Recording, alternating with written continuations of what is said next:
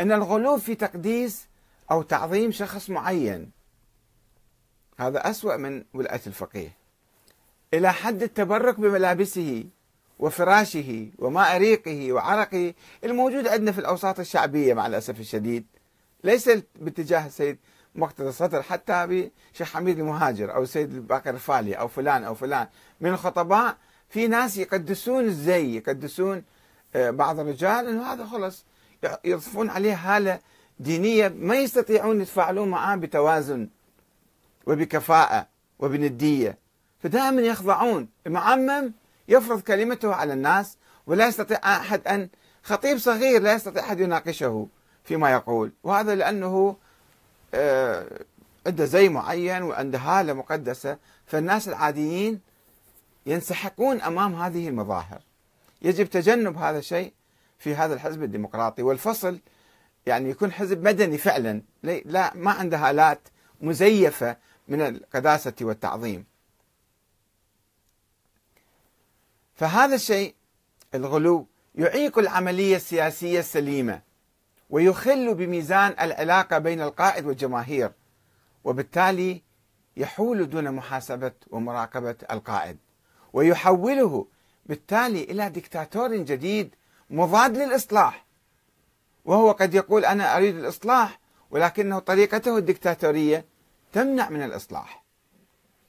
ويدفعه للتكبر على الناس والاستعلاء عليهم. وهذا سر الفساد دائما في جميع الأنظمة السياسية. وقد أدرك الإمام أمير المؤمنين عليه السلام هذا الموضوع فحاول أن يربي شيعته على القيام بأدوارهم السياسية الضرورية تجاه الحكام والمسؤولين وحتى لو كان علي بن أبي طالب تجاهه شخصيا فقال لهم مخاطبا لهم إني في نفسي لست بفوق أن أخطئ. فلا تكفوا عن مقالة بحق أو مشورة بعدل. يعني لا تنظرون إلي كمعصوم. انظروا إلي كواحد من عندكم ودائما تعالوا انتقدوا احكوا أشيروا علي ورح الإمام علي كان يرحب بذلك. كذلك القيادات الدينية أو نصف الدينية أو ربع الدينية أو المعممين عموما إذا دخلوا في الحياة السياسية يجب أن لا يفرضوا يعني آه، آه، أسلوبا معينا في التعامل مع الناس بالعكس خلي يكونون جزء من أبناء من الشعب ومتساوين مع الناس ويرحبون بأي نقد بأي مشورة بدون تكبر بدون استعلاء. والمشكلة أحيانا ليست فيها أو لا ليست في المرجع. في حواشي المرجع وفي بعض الناس اللي يقلدوه أن يرفعون من درجته أن أنت من حتى تقترح على فلان أو أو تنتقد المرجع الفلاني. هذا شيء عادي يجب أن يقوم به كل شخص. ولكن الثقافة الاستبدادية تمنع الناس من التفاعل بمساواة مع من يلبس عمامة أو مع ابن فلان أو مع المرجع الفلاني.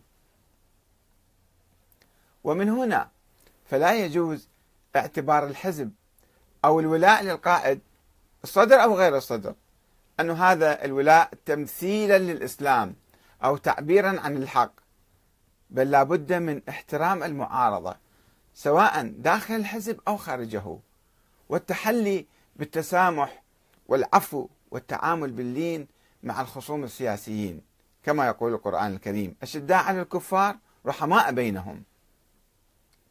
ما يجوز نعتبر أي واحد خرج من عندنا أو من جماعتنا كأنه أصبح من الخوارج ويجب أن يتوب ويعود إلى الحزب مالنا. لا إحنا ناس قد نكون على صح وقد نكون على خطأ والآخرين قد يكونوا على صح وقد يكونوا على خطأ. إذا فما أتعامل مع أي من أي شخص يخالفني أو يعاديني حتى على أنه يعادي الله ورسوله. لا أنا إنسان مجتهد في العملية السياسية وأحاول أن أعمل. قد أكون يعني في موقف صحيح وقد أكون في موقف خاطئ. فلذلك يجب أن أحترم المعارضة إلي ولا أتهمها بأي سوء. وأخيرا إن مسيرة الإصلاح اللي هو الهدف الرئيسي للوصول إلى الرئاسة أو للوزارة أو لمجلس النواب. مسيرة الإصلاح تبدأ من تواضع القادة والزعماء وترحيبهم بالنقد والنصح من أي مواطن أو أخ أو صديق أو حتى عدو إذا واحد نصحك انظر إلى ما يقول. شوف هذا كلامه صحيح ولا لا؟ وإذا كان كلامه صحيح روح غير نفسك.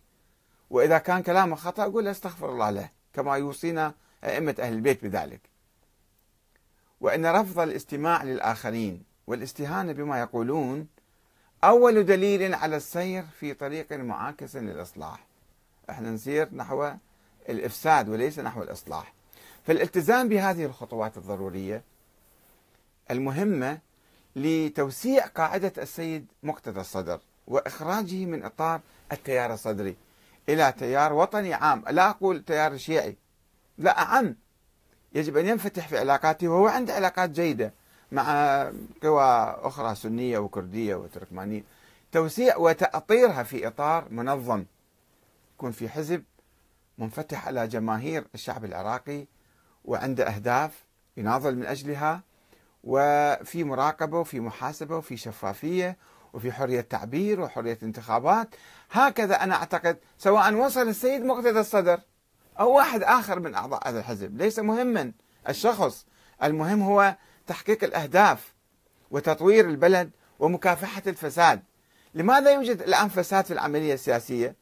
لأنها أشبه بعملية ديكتاتورية ليست ديمقراطية كاملة. قانون الانتخابات ما يكون صحيح.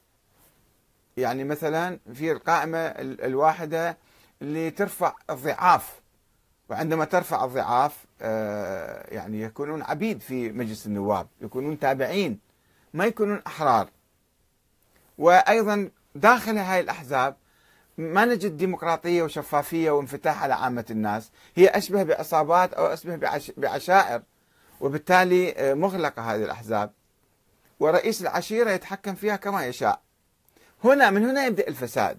إذا نحن عالجنا هذه الجذور نستطيع أن نهيئ البلد إلى آه، وضع ديمقراطي سليم. يكون فيه الناس كلهم يتكلمون بحرية ويعبرون عن آرائهم ويحاسبون المسؤولين ويتعلمون على محاسبة المسؤولين مو على التبرك بعرق جبينهم وفراشهم وملابسهم. هذه حالة ليست ديمقراطية. يجب أن يرفضها كل قائد مصلح. القائد المصلح لا يعني إذا قبلوا إيديك يجب أن ترفض أن أحد يقبل إيدك. لأن هذا اللي يقبل إيدك راح يفقد شخصيته راح ي... هو ينهار. بعد ما يستطيع أن يقول لك لا أو يقول لك أنت أخطأت أو لو تعمل كذا أفضل. فهنا تبدأ المشكلة. فنحن نريد قائدا ونأمل من السيد مقتدى الصدر حفظه الله أن يعلم أتباعه وحزبه وجماهيره وعموم الشعب العراقي على الثقافة الديمقراطية. وهكذا نصل إلى تغيير آه، البلاد نحو الأفضل والأفضل إن شاء الله. وتحياتي إلى السيد مقتدى صدر. وآمل إن شاء الله أن نراه يوم من الأيام هو يحتل هذا المنصب لأنه كفؤ ولأنه آه، قادر على تحقيق هذا الإصلاح إن شاء الله. والسلام عليكم ورحمة الله وبركاته.